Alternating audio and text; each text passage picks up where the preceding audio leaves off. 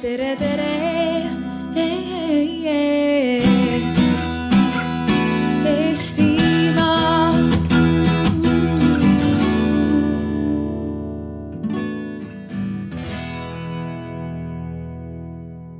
Olen Annika Udelep ja modereerin arutelu, mille pealkiri on Kas andmeid ja tehnoloogia päästavad elusid?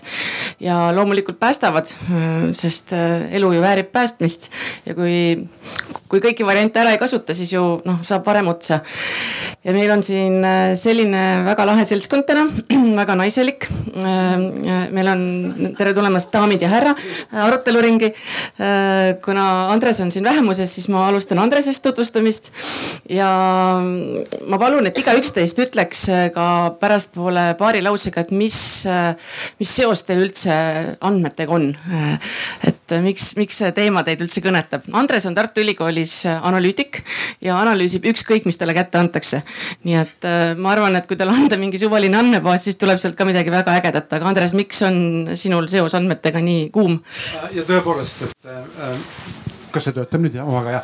et eh, mina olen andmeid analüüsinud vist alates juba esimesest kursusest ehk umbes kakskümmend viis aastat või veel rohkem. Eh, ja ongi minu igapäevane töö on tegelikult kõikvõimalikke andmeid analüüsida ja tegelikult noh, mitte ainult analüüsida, vaid sealt väärtust luua. me loome erinevaid mudeleid äh, nii äh, töötukassale, ministeeriumitele, kuidas teha paremaid otsuseid. tervisevaldkonnaga olen ka palju seotud ka juba paarkümmend aastat prognoosin, mis saab Eesti tervishoiust. kõik juba näitavad, et ei saa ammu juba midagi head, aga ikka prognoosin. ja, ja lõpuks siis õpetan ka andmeanalüüsi tegelikult ülikoolis. nii et kolm märksõna, et andmed, raha, tervis, need on kõik mulle väga olulised. ja, ja kuluvad ära, eks ole. kuluvad ära, et kui teil on andmeid ja raha, siis alati kuulge, astuge sisse minna. aitäh ja teine panelist on meil siin Kadi Lambot, kes on äh, elukutseline tippjuht ja juhtinud äh, kõike alates ajalehtedest haiglatest kuni haigekassani ja nüüd tegi hiljuti ühe väga ägeda kliiniku. ja Kadi ongi erakliinik Confido juht. aga kuidas sinu seos andmete ja tervisega välja näeb tänasel päeval? jah, tere tulemast kõigile mina olen ka andmetega äh, puutunud kokku siin tööelus äh, juba kakskümmend viis aastat.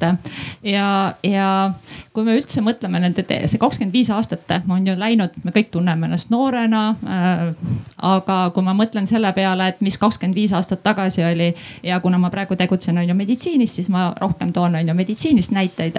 kakskümmend viis aastat tagasi ei olnud äh, meil arstidena laual arvuteid, kõik käis läbi paberi.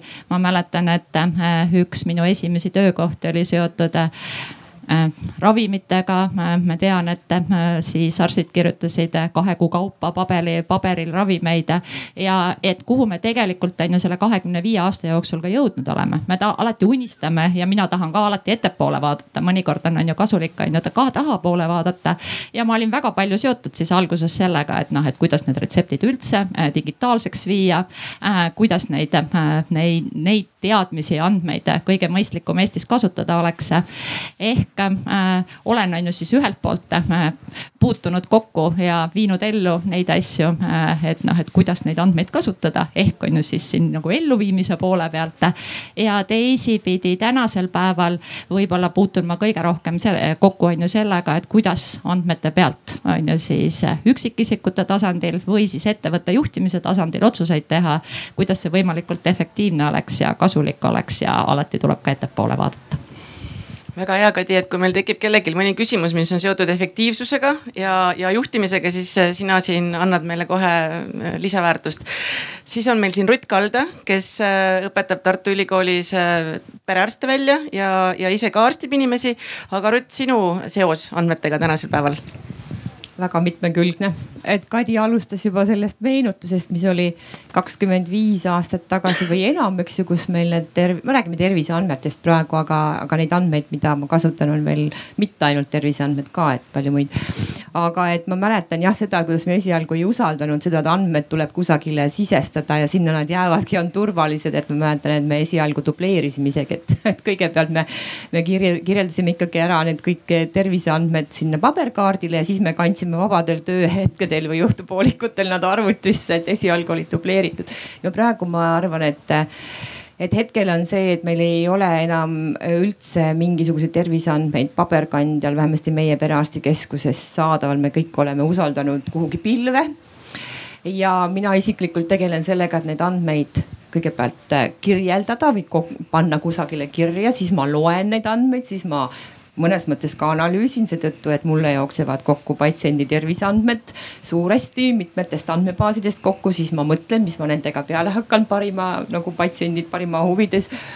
Aga lisaks sellele äh, ma kasutan andmeid ka suurandmeid isegi praegu ka erinevates teadusuuringutes. Eks ülikoolis äh, on teatavasti teadustöö ka oluline ja, ja just nimelt näiteks rahvatervise huvides nende andmete kasutamine ja siis jällegi võtad kokku küll suurandmed, saad mingisugused teadmised, aga kuidas sa üksikisiku tasandil neid rakendad, nii et väga põnevaid igasuguseid variante on me kohe neid variante tahame kuulda ka äh,. aga Karmen äh,, sinu seosed andmetega, sest Karmen on advokaat, tema töötab äh, sellises äh, butiigis nimega Trinity, kus antakse inimestele palju head nõu ja Karmen tegeleb inime õigustega ja sellega, kuidasmoodi inimesel peaks olema õigus alati ise otsustada selle üle, mida ta endast jagab.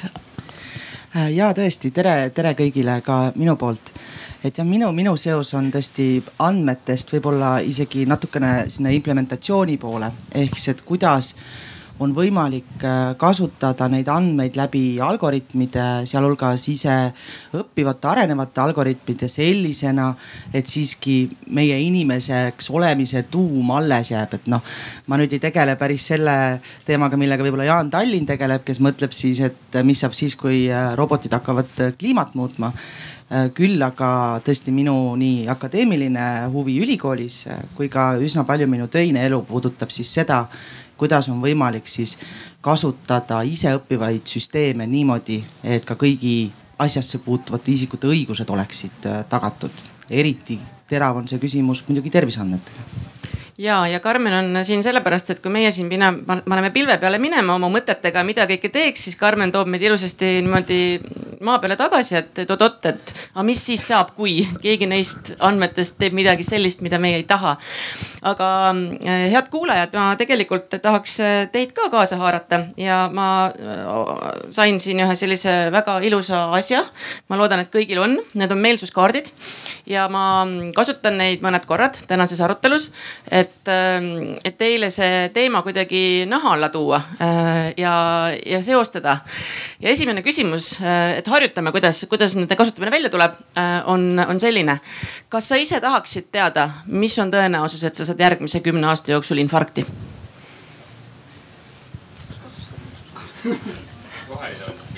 Roheline on jah, kollane on öö, ei tea ja punane on ei, ei tahaks jumala eest teada.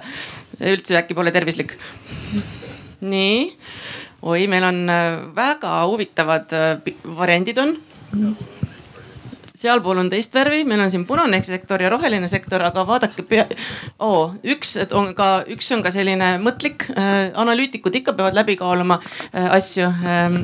aga näete äh,, ei olegi nii kindel, et, et kõik tahavad seda, nagu me siit äh, kohe näeme. aga ma palusin äh, ettevalmistuse käigus äh, mõelda igalühel teist äh, mõnede näidete peale, kuidasmoodi päriselt andmed ja tehnoloogia saavad inimeste tervist parandada. ja, ja selle arutelu üks mõte ongi see, et me, me kuidagimoodi tahaks inspireerida üksteist ja, ja teid, kes siin kuulavad. Et võib-olla sellest inspiratsioonist äh, jääb mõni mõte meelde ja ühel hetkel saabki midagi ägedat teoks. aga kes tahaks alustada? Ja ma võimalus on, võtan kohe sõna. Äh, ma alustan sellest samast näitest, mis oli see infarkt on ju. no lihtsalt toongi näite, et, et kus üks koht, kus me kasutame andmeid ja kus arvutid on tihti juba paremad, kui on äh, meie kardioloogid, ongi tegelikult infarkti ennustamine. no näiteks eelmise aasta lõpus Ameerika Südameassotsiatsiooni konverentsil tuvastati või no tutvustati artiklit, kus siis vaadati läbi kuskil poolteist miljonit kardiogrammi ja arvuti pidi siis ennustama, et milline on tõenäosus, et inimene järgmise kahe aasta jooksul noh sureb südamehaigustesse. ja noh, kui jämedalt minna, mitte minna detailselt detailidesse, siis täpsus oli kuskil kaheksakümmend viis protsenti, kus arvuti ütles ära, et kas inimene sureb või mitte. ja kusjuures see oli täpsem kui kardioloogidel. ja isegi kui pärast tagantjärgi anti kardioloogidele teada, no näe kukkus kõik, et, et vaadake, need inimesed surid, et vaadake EKG pealt, et mis seal siis oli, siis tegelikult nemad ei saanud aru aga arvuti sai. ehk meil on masinõppeprogrammid, mis loevad välja mingit infot, mida inimestele me isegi ei suuda seletada. ja ongi kaks head asja korraga kohe onju. arvuti ütleb teile jah, te võite ära surra, aga ta ei ütle teile samas onju, et aga miks sa võid ära surra, et me ei tea seda. no niisugune näide näiteks kohe nii, veel näiteid, Kadi? no mina läheksin kohe selle näite pealt on ju edasi, selline praktikuna me nägime, et tõusid nii rohelised, punased kui kollased kaardid ja, ja nüüd ühe erakeskuse on ju juhina äh, siit tuleb mängu on ju individuaalsus. et, et noh, et arvestada ikkagi ka sellega, kes on valmis, kes ei ole miks, äh, mida ehk on ju, kui meil on palju andmeid käes, milleks me neid andmeid ikkagi kogume, millal me neid andmeid kasutame, kelle puhul ja, ja minu meelest on ju siit tulebki on ju nagu kogu trikk on ju praktilises elus. kas me oleme selleks valmis, äh, mis juhtudel, äh, mis me peaksime, on ju ja võiksime siit edasi minna ja millal mitte, ehk on ju personaalsus, individuaalsus ja kuidas, kuidas siis sinu näite puhul oli olid ka tegelikult on ju, need ennustused olid personaalsed, nagu ma aru sain. Äh, aga millal äh, neid ennustusi ka siis personaalsel juhul on ju rakendada ja kuidas seda teha? ma võtaksin järje üle, et praktilise perearstina ja võib-olla siis ka mõnes mõttes ikkagi no isikuna, kellel võib ka seesama südamehaiguse risk ju olla. kuigi ma teen kõik, mis võimalik selles mõttes, et ma mitte ei mõtle ainult südamehaiguse peale, vaid ma ise mõtlen, et ma võiksin olla terve ja selle võrra ma teen oma valikud elus sellised. ja siis ma mõtlen selle peale, et ja siis, siis ma et kui mul on selline informatsioon, et, et ma võin järgmise kümne aasta jooksul või siis kahe aasta jooksul teatud tõenäosusega ära surra et siis, siis oluline on seal kohal ikkagi minu meelest see, et mis ma selle teadmisega peale hakkan ja mida ma saan teha.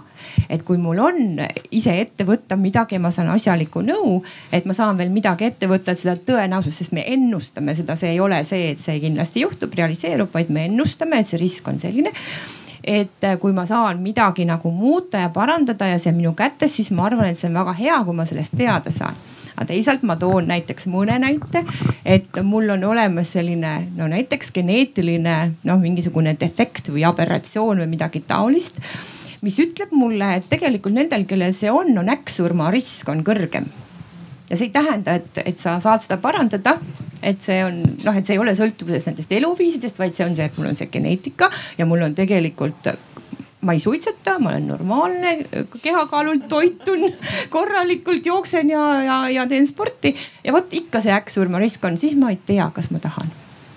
siis ja, aga ma ei saa ju valida, eks ju. kuidas ma valin seda, et ma mingil hetkel tean ja siis teisel hetkel ei tea või ei taha teada ma kohe nagu apelleerin, et tegelikult noh, kindlasti alati me leiame mingeid tegevusi, mida on mõttekas ära hoida. no näiteks oletagem, kui naisterahval on see risk, ma võtan hoiu sõna teemal, mida ma üldse ei tea, aga et näiteks, et kas ta ikkagi riskib ise sünnitada või laseb teha keisri näiteks. sest kuna see keiser vererõhk on niivõrd kõrge ja tal ongi kohe kõrgem. et alati on ikkagi olemas mingid sekkumised, kus me saame seda riski vähendada, on ju, lihtsalt no ja üks väga praktiline asi, mida saab teha, eks ole, et ma kohe teen matuse nimekirja ära, et kirjutan kõne valmis, et noh, vähemalt see lõpp läheb väga ilusasti, on ju, et saab ka nagu noh, tegeleda praktiliste küsimustega.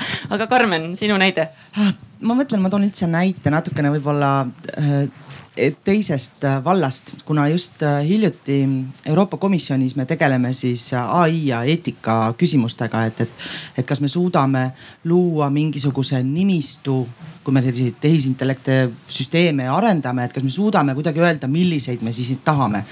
ja siis oli kaks küsimust, mis äh, üldiselt terves grupis nagu oli hästi selge lõhenemine. Et äh, kus oli nagu kaks näidet, et üks on siis selline Aasia trend, kus siis äh, selleks, et vanainimesed ei tunneksid ennast, ei tunneks ennast üksinda isolatsioonis ning neil oleks kogu aeg nagu meeldetuletus sellest, et mis rohtu tuleks võtta, kuna lapselapsi ju lapsi lähedal pole. et siis selliste robotite kasutamine on ju, kes on nagu siuksed seltskonna robotid, nad piiksuvad, et nüüd võtta rohtu on ju, helistavad vajadusel kiirabisse. et see oli üks näide, mille, mille osas ma arvan, see arutelu kestus, kestis mitu päeva, et kas me Euroopas seda tahame ja teine on siis äh, ülikoolides on päris mitu uurimust siis just nimelt autistlike laste puhul. et äh, kuidas vanemad väsivad mingil hetkel noh ühte sama näiteks kordamast.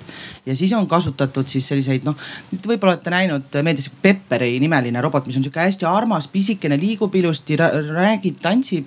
ja siis nemad ei väsi, nad ei vihasta, nad ei muutu nagu kurvaks, nad ei nuta vahepeal, kui nad vaatavad, et nende laps ei noh ei tule kaasa kuidagi. siis need kaks küsimust arutelus, et kas me tahame et näeme, et tegelikult lastele see mõjub hästi, on ju, nad päriselt arenevad, aga tegelikult, mida me pikas perspektiivis teeme? et me justkui ju anname ju masina talle inimese asemel suhtlemiseks, et mida see meie ühiskonnaga teeb ja kas sellist antropomorfsust üldse peaksime lubama eelkõige just nimelt meditsiini, mis ju mõjutab lõpuks selle väikese inimese, aga ka vanainimese, kes siis mitte enam ei toeta oma lastele või lastelastele selleks, et paremini ennast tunda või üldse elu, elus püsida, vaid ta siis tugineb mingile masinale. et selline eetiline küsimus, et, et kas me üldse oma tulevikus sellist asja tahame, et see ja see tulevik ei ole ju kaugel, kui me neid valikuid tegema peame hakkama, et äh, vananev ühiskond on ju probleem mitte ainult Eestis, vaid äh, terves Euroopas ja väga põnev, vähemalt ma arvan, seltsielu pakuks ikka see robot mõnda aega, eks ole. ja uurimused näitavad, et äh, sellise nagu seltskonna või sellist nagu emotsiooni, head emotsiooni ja, ja head tunnet pakubki see robot oluliselt rohkem kui see, kui lapselaps käib ainult nädalavahetusel korraks külas. robot ei taha süüa näiteks, eks ole. ei taha süüa, kui ta on koera kujul, siis ta liputab saba ja tuletab rohte meelde. väga hea, veel näiteid, mida annaks veel ära teha andmete tehnoloogiaga, et meil läheks elus paremini? ja ma võtan sellest äh, jälle vanainimestest ja robotitest kinni, et äh, no võib-olla ka niisugused äh, näited, kus noh, me nagu kasutame küll tehnoloogiat, aga me üritame inimeste privaatsust võimalikult vähe nagu segada. näiteks võtame tõesti vana inimene, olgu vana inimene, August, seitsmekümne viie aastane, elab kuskil kaugel maal onju, meesterahvas. ta käib igal öösel kell kolm käib WC-s onju, tal on vaja käia igal hommikul kuue-kaheksa vahel läheb ta alati sinna kööki. me paneme talle üles väikse radari lakke mis ei näe inimest, aga ta lihtsalt mõõdab kaugust kogu aeg ja õpetame ta välja. ja ta õpibki välja, et igal hommikul toimub niisugune liikumine kööki, igal öösel käib liikumine WC-s. ja nüüd, kui ühel öösel ütleme kahel öösel järjest onju, käib see vana inimene kolm korda järjest WC-s onju. see on selge, et midagi on lahti, ta ei maga hästi, tal on mingi probleem ja tuleb signaal perearstile ütleb, et saatke pereõde sinna koduvisiidile, et vanainimesel on toimunud mingi muutus on ju tervises. ja tegelikult niimoodi välja õppides väga lihtsalt, samas privaatsust, noh, me ei filmi teda midagi, on ju, aga reaalajas tegelikult jälgime, õpetame masinad välja. no ja kui ta muidugi tõesti hommikul üldse ei lähe kööki ja üldse WC-s öösel ei käi, onju, et noh, siis võib-olla saadame kohe päästeameti, onju. no meil muideks, meil aastas vigastab vanainimesi ennast kuskil viisteist tuhat vana inimest aastas vajab arstiabi kukkumise tõttu selle aja jooksul, kui me oleme rääkinud, siin on kaks tükki kukkunud juba ja arsti juurde jõudnud onju. et noh, et tegelikult on palju kasu. ja et sellised, äh, ma arvan, et sellised lahendused, mis on välja töötatud just nimelt ähm, vajaduspõhiselt ehk et äh, et äh, arvestades ka no näiteks ähm, sedasama kukkumise riski või, või, või näiteks seda, et needsamad kukkumise nupud või signaalid, et on insuldi saanud ja kuskile jookseb teave, need on väga head. teisalt ma mõtlen seda, et kui sellist informatsiooni tuleb päris palju, siis on vaja meil kohe ühest küljest justkui nagu see informatsioon aitaks, eks ju, selliseid äh, teadlikke valikuid ja õigesti suunatud nagu selliseid otsuseid teha ja kiiresti jaole jõuda. aga teisalt, mida enam signaali, mida enam nagu sellist informatsiooni, seda rohkem on vaja ka seda, et kes selle nagu informatsiooni ära töötleb või kokku paneb või kes siis äh, selle vastu võtab. et siis me peaksime võtma neid signaale selle arvuti taga, selle asemel, et rääkida parajasti, eks ju, inimesega. Mm, see individual touch või see puudutus on ikkagi oluline. ehk et kahte asja ma kuidagi paralleelselt teha ei saa, et töötlen sama ühel, ühel küll arvuti informatsiooni, teisalt, eks ju, räägin kellegagi, kes tahab minuga päriselt ka rääkida et, et siis ma, ma arvan, et, et meil võib-olla, siia tuleks nagu abiks äh, ka seesama tehnoloogia selles, et, et meil on nagu mingisugused sellised äh, tark tark arvuti või tark süsteem või algoritmid, mis võib-olla, et, et saavad meil vähendada seda patsientide voogu teisalt, et kui ühelt toob informatsioon meile patsientide voo sisse, siis teisalt ta võiks nagu vähendada. ehk et jõuavad need, kes siis tõesti peaksid nagu jõudma.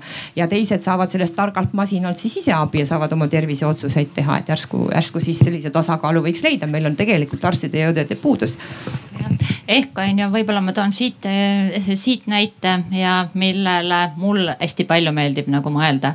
On just see, et noh, et kuidas siis tõesti neid protsesse on ju efektiivsemaks saada, et nüüd ma saan hästi palju informatsiooni ja küsimus ei ole ju meditsiinis on ju, et kus on kitsaskohad, ühelt poolt on ju, et noh, et kogu elanikkonna vananemine, võimaluste suurenemine. teiselt poolt väga selgelt on ju siis need inimesed, kes oskavad ja saavad ja peavad aida, aitama, on ju sellisel hetkel. et, et ja see on ikka tänasel päeval Eestis ja kogu Euroopas väga suureks on ju probleemiks kujunenud. et teatud spetsialistide puhul, et miks meil on, on ju järjekorrad, miks meil on äh, abi, äh, abi ei saa nii kiiresti on ju kätte kui vaja. Äh, et ei ole inimesi neid vastu panna. ehk ühelt poolt, et noh, et küll need kõik sellised algoritmid ja logaritmid aitavad meile õigemaid valikuid teha ja, ja et kellega tegeleda, aga et kes siis nende inimestega on ju tegelevad ja üha rohkem on ju meditsiin vajab ja üha rohkem on ju meditsiinis võetakse ka kasutusele just tööprotsesside, äh, äh, tööprotsessides, kuidas kasutada andmeid võimalikult hästi. et no on niisugused hästi lihtsad näited, aga nendega saab kõigiga individuaalseks ja äh, individuaalsemaks ja selliseks keerulisemaks minna. aga et juba on ju ennustused, et noh, et kui palju meditsiin on teatud tegevustes, tegevuste osas alati on ju äh, sessoonne. et äh, kuidas ma peaksin oma tööjõuressurssi on ju planeerima. et äh, noh, ma minu meelest on ju kasvõi on ju hea näide, millega ma siin viimased kaks päeva olen mõelnud ja tegelenud ja mis on kohe on ju ukse ees. me teame, kus on ju situatsioonis me praegu oleme, näed rahvast on vähe, kõik need, kes on enne käinud, ütlevad, et oo, kuhu kõik inimesed on ju kadunud on. kohe on meil ukse ees äh, siin juba on ju kuu aja pärast tuleb kõrghooaeg, kuidas või äh, peaks hakkama gripi vastu vaktsineerima. me teame, et eelmistel aastatel on, on ju, kus inimesed käivad vaktsineerimas, käivad on ju perearstide juures, on viimased kaks aastat olnud Eestis pilootprojektid, kus nad saavad, on ju ka apteekides käia.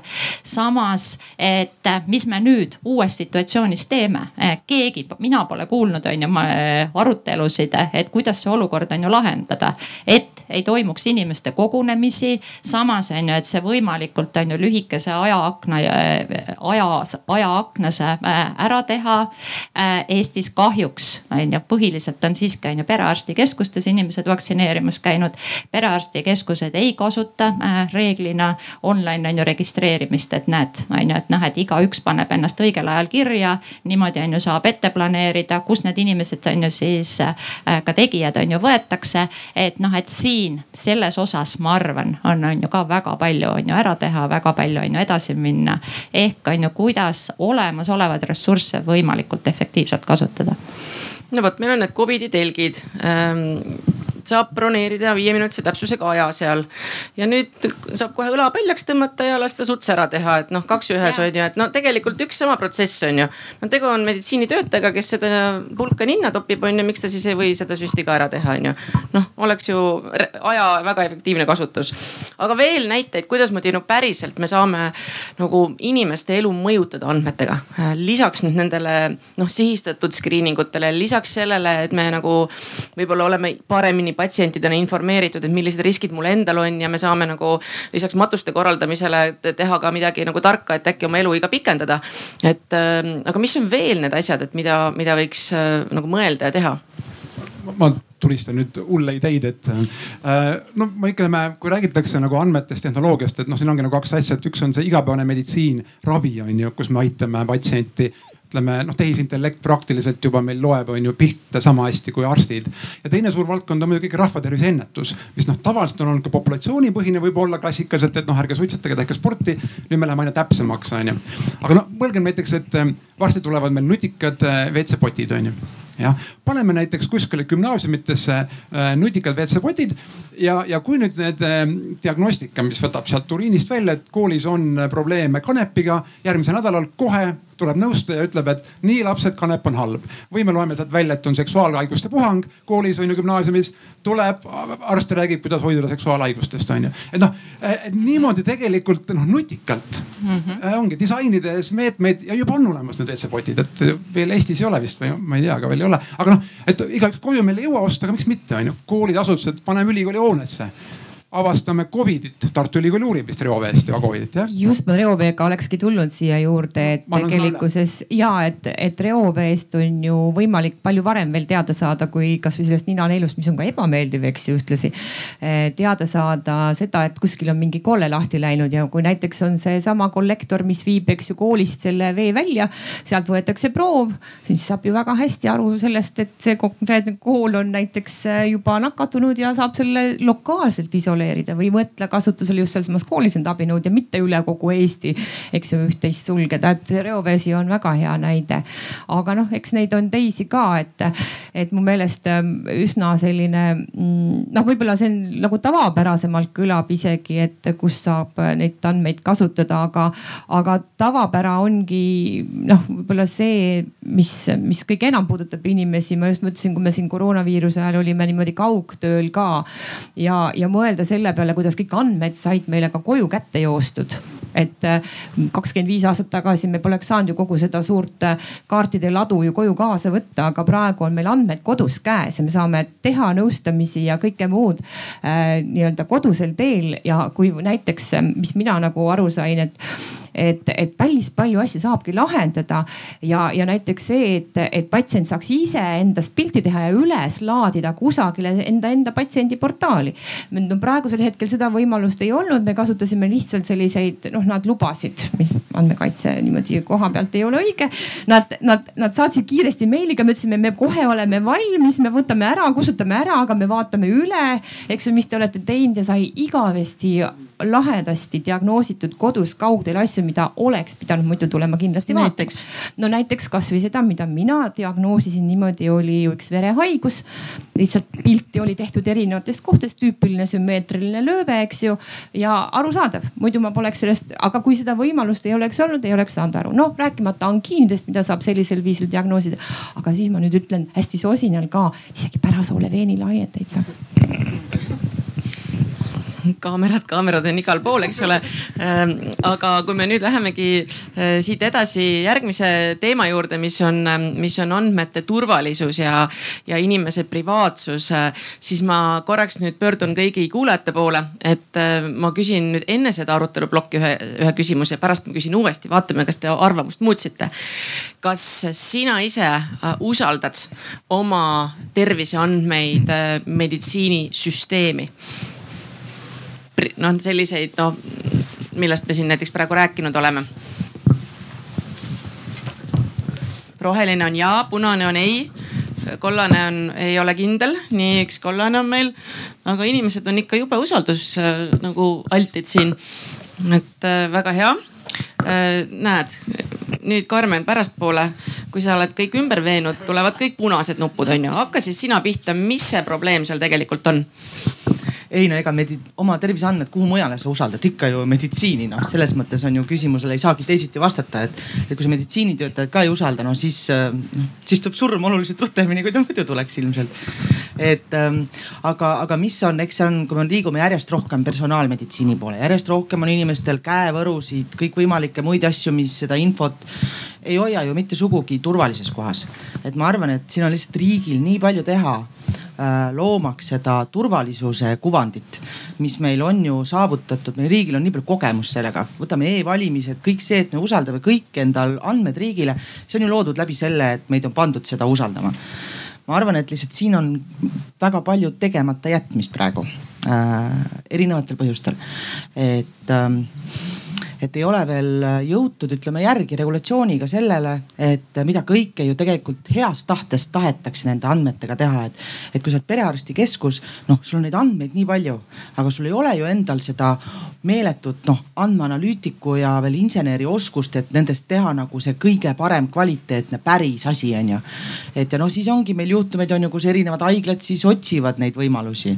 et ja nendest neid skandaale on väga palju, mis ma arvan, et seda noh, seda turvalisust murendavad, et võtame Londonis on ju anti kahe koma viie miljoni inimese andmed, nii-öelda reaalaja andmed, mida kogu aeg päevas koguti, anti siis Google'ile, kes ase, arendab sellist algoritmilist äh, tarka siis ähm, süsteemi, mille nimi on DeepMind mille no eesmärk on ju hea, on ju.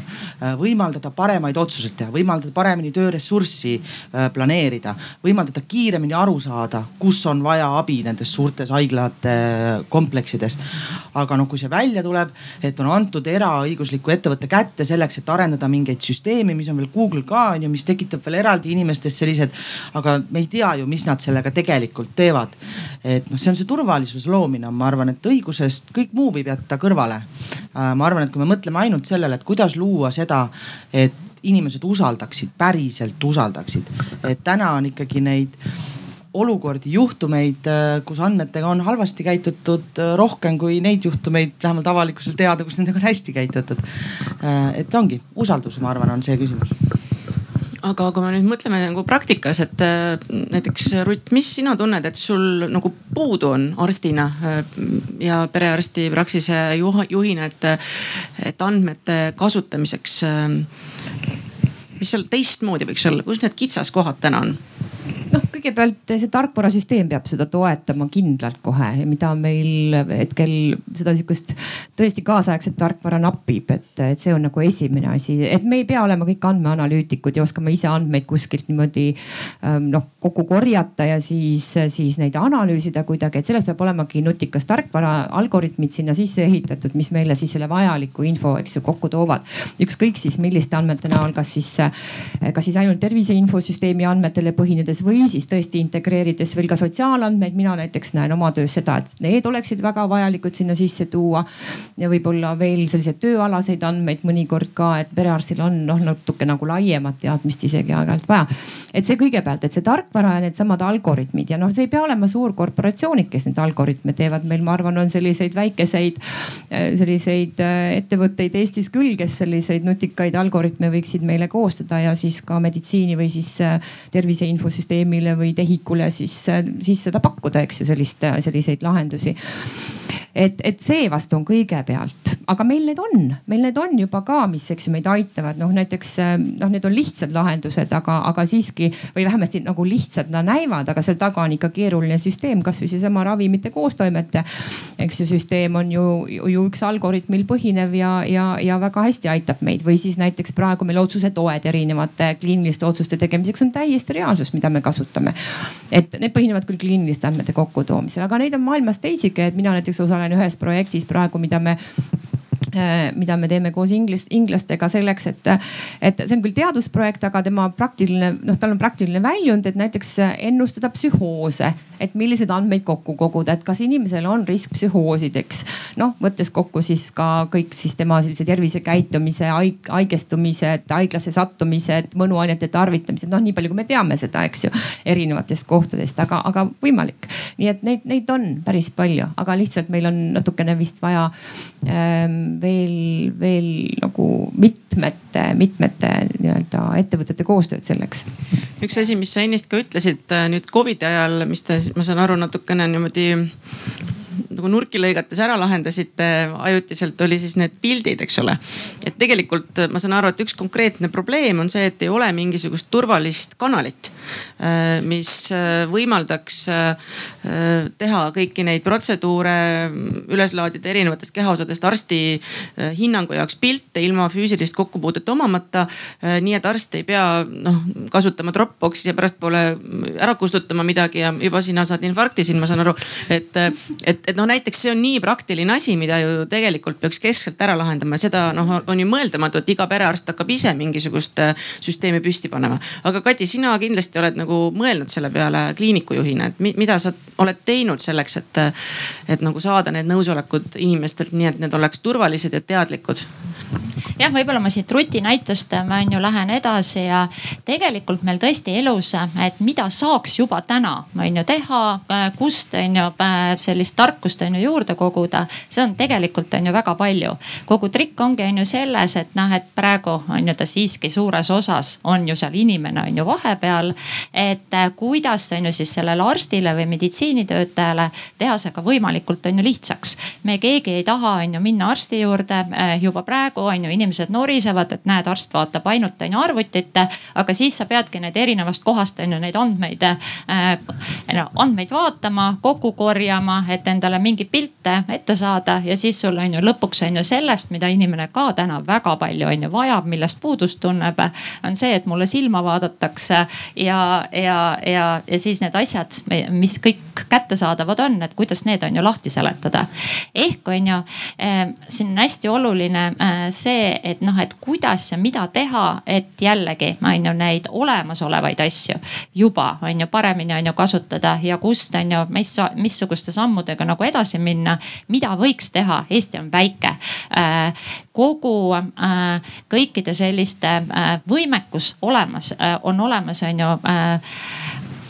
programme teha ja, ja jupikeste kaupa, aga see, et kuidas nad on ju kokku koondada ja, ja, ja sealt on ju suuremat on ju kasu äh, lõigata äh, nii, et on ju see oleks on ju tegelikult on ju ka hallatav.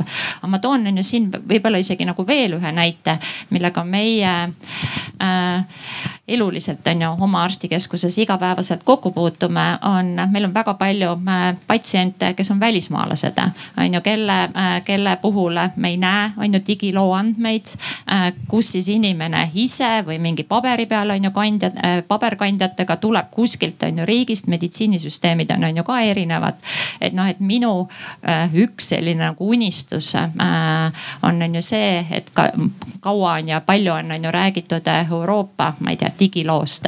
et kuidas ikkagi juba ka üle piiride teha teatud on ju otsused äh, äh, andmete ühesuguse kogumise osas, nende kasutamise osas. see võimaldaks nagu väga palju äh, muuta, on ju ka kõiki arendusprotsesse efektiivsemaks kuni sinnamaani välja on ju, et kuidas neid on ju kasutada. ehk siin võiks on ju ja peaks on ju veel on ju laiemaks minema ja, ja needsamad näited, mis me siis kõik, ega meie on ju oma keskus keskusest äh, tegime täpselt samamoodi osade äh, äh, patsientide ikkagi aitamise nimel, mis siin Rutt on ju juba seletas. aga tegelikult on ju sellised kriisid noh, võiksid ja peaksid olema ka need on ju, mis teatud on ju protsesse on ju kiirendavad, kus me kõik äh, vaatame rohkem on ju tuleviku poole ja teiseks mõnikord tulebki teatud situatsioonides olla natukene julgem, sest need toovad on ju järgmised sammud äh, meile kiiremini lähemale aga et noh, et selline nagu laiem pilt peaks olema.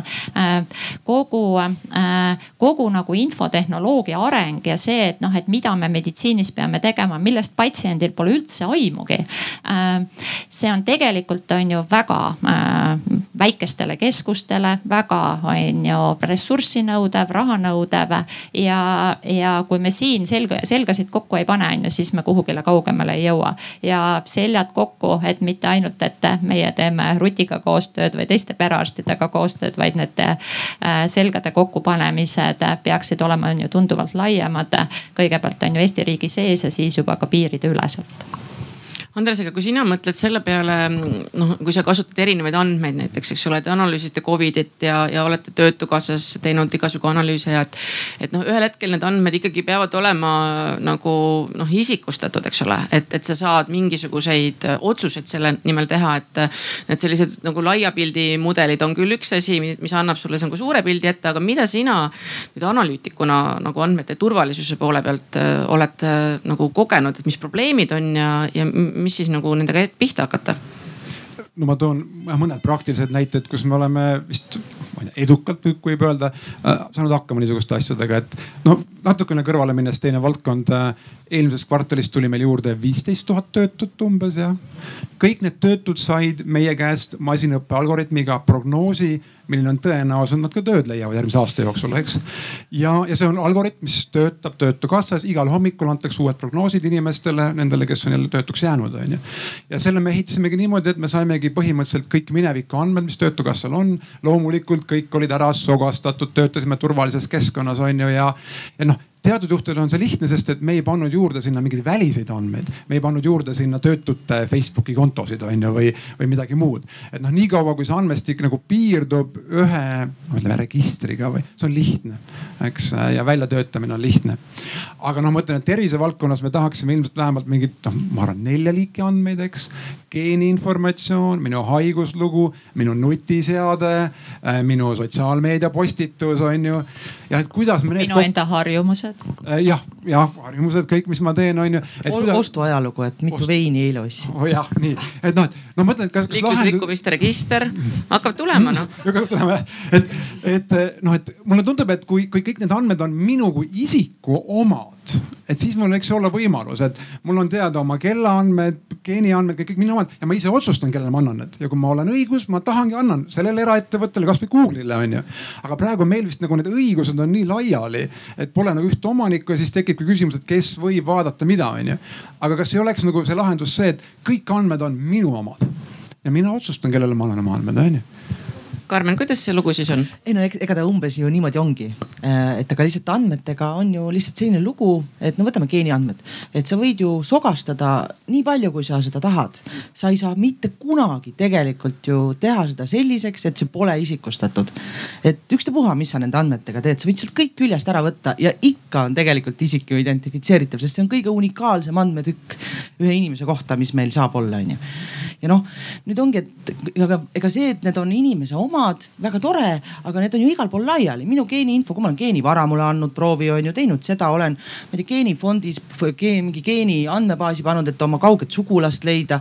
noh, ega mina ei suuda paraku ju enam kontrollida, äh, mis ja mis nendega tulevikus edasi saab. et aga, et selleks, et me jõuaks sellisesse tulevikku nagu Kadi kirjeldas, et äh, selle jaoks tegelikult ongi vaja seda, et lihtsalt meeletut läbipaistvust.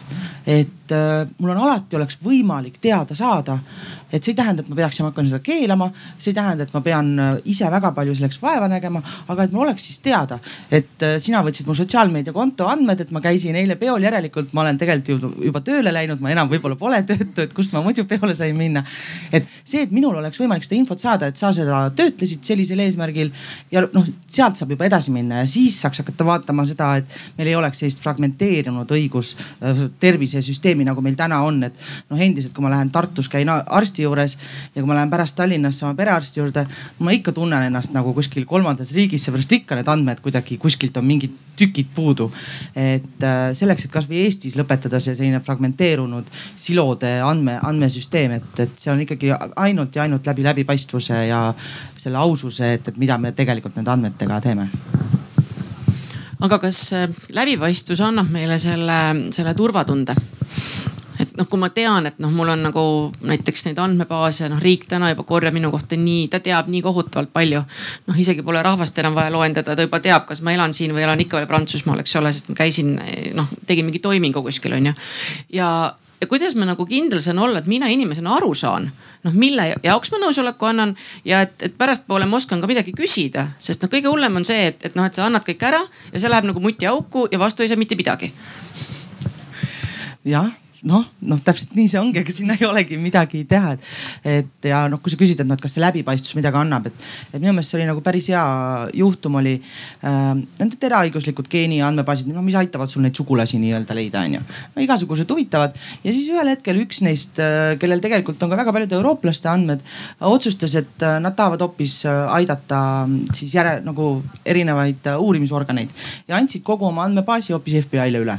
et noh, nad olid väga läbipaistvad, nad tegid pressi teate, ütles, me nüüd andsime, et me aitame kuritegevust lahendada, et noh, tegelikult ju geeniinfoga on võimalik väga palju vanu kuritegevusid ju tegelikult lahendada, mille kohta sul see info on tegelikult olemas. no väga-väga läbipaistev, aga kas see nüüd midagi enam, kas see nagu, kas see teeb su tuju heaks, et nad andsid, kuigi nad on väga läbipaistvad selles, eks ju? just, just, just. et ilmselt ei tee, onju. just, aga mm, kui näiteks sina mõtled Rutt arstina, et, mm, et, et kui sulle tuleb patsient ja, ja patsient võib-olla ei ole andnud nagu eksplitsiitselt nagu selge sõnaga mingisugust konkreetset nõusolekut äh, vaadata tema kohta mingeid seoseid, aga sul on andmebaasid olemas. ja mida sa siis nagu tahaks, et sa saaks teistmoodi täna teha, et sa noh, sa näed andmete pealt, et tal on mingi häda. aga no, tema ei tea, et sa tead, et sul on mingi häda. et äh, kuidas sina nagu näed, et mida peaks ära lahendama, et sa saaksid inimest aidata rohkem äh,? sest sulle tuleb see pilt näiteks arvutisse ette, kui sa täna veel ei tule, no tuleb kahe aasta pärast, eks ole ma kuulasin natuke ja mõtlesin seda, et, et praegusel hetkel me ikka ei saa ju veel rääkida, vähemasti meditsiinis, et meil on kättesaadav terve hulk andmeid, nii et patsiendid või inimesed ei tea seda, kuhu nad on läinud. ja et justkui annad ära ja ei tea, kuhu nad jõuavad ja me anname kuskile FBI-le või, või ma ei tea, meile siis. et seda nagu ei ole, seetõttu, et mina tunnen täna puudu sellest, et mina isegi ei tea ju patsiendi geeniandmeid.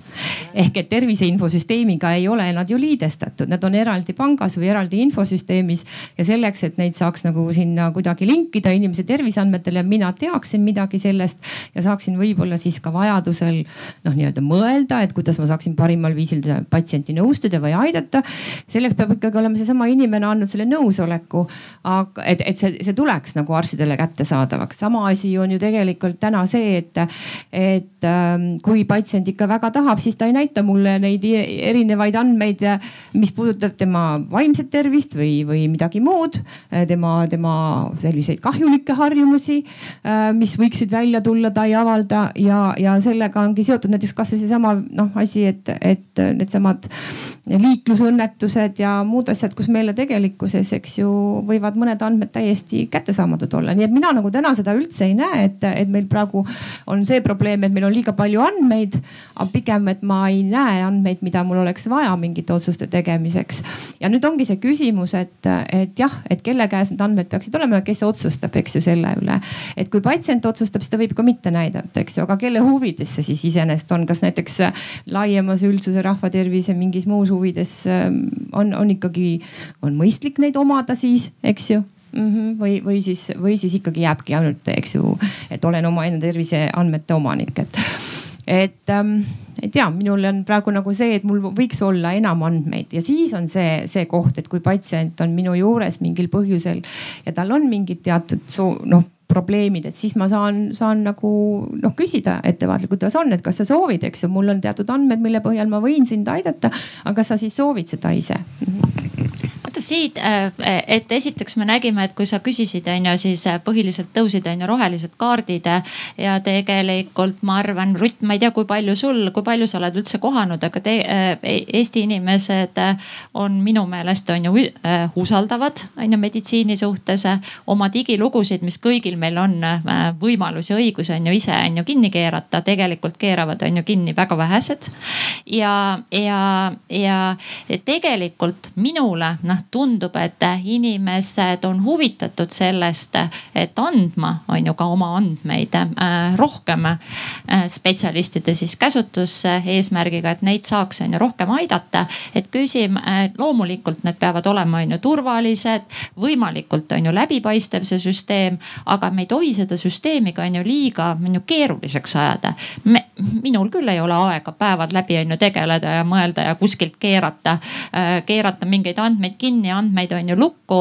Äh, pigem on ju ma ettevõtjana äh, ja ma ei tea, ka tavainimesena ma tänasel päeval näen, on ju seda, et kogu meie nagu e-maailmas ma ei suuda seal enam orienteeruda, mida ma kõik kuskilt peaksin avama, kinni keerama ja suutma on ju vaadata ja neid erinevaid on ju andmebaase kasutama. et mulle, mina olen nagu pigem on ju üksikindiviidina nõus, et noh, et palun võtke kõik ja, ja siis, kui tõesti vaja on, siis ma keeran kuskilt on ju midagi kinni, vaid mitte vastupidi, et noh, et muudkui on ju luban. sest siis ma enam, siis ma peaksin kogu aeg on ju päevast päeva on ju sellega tegelema.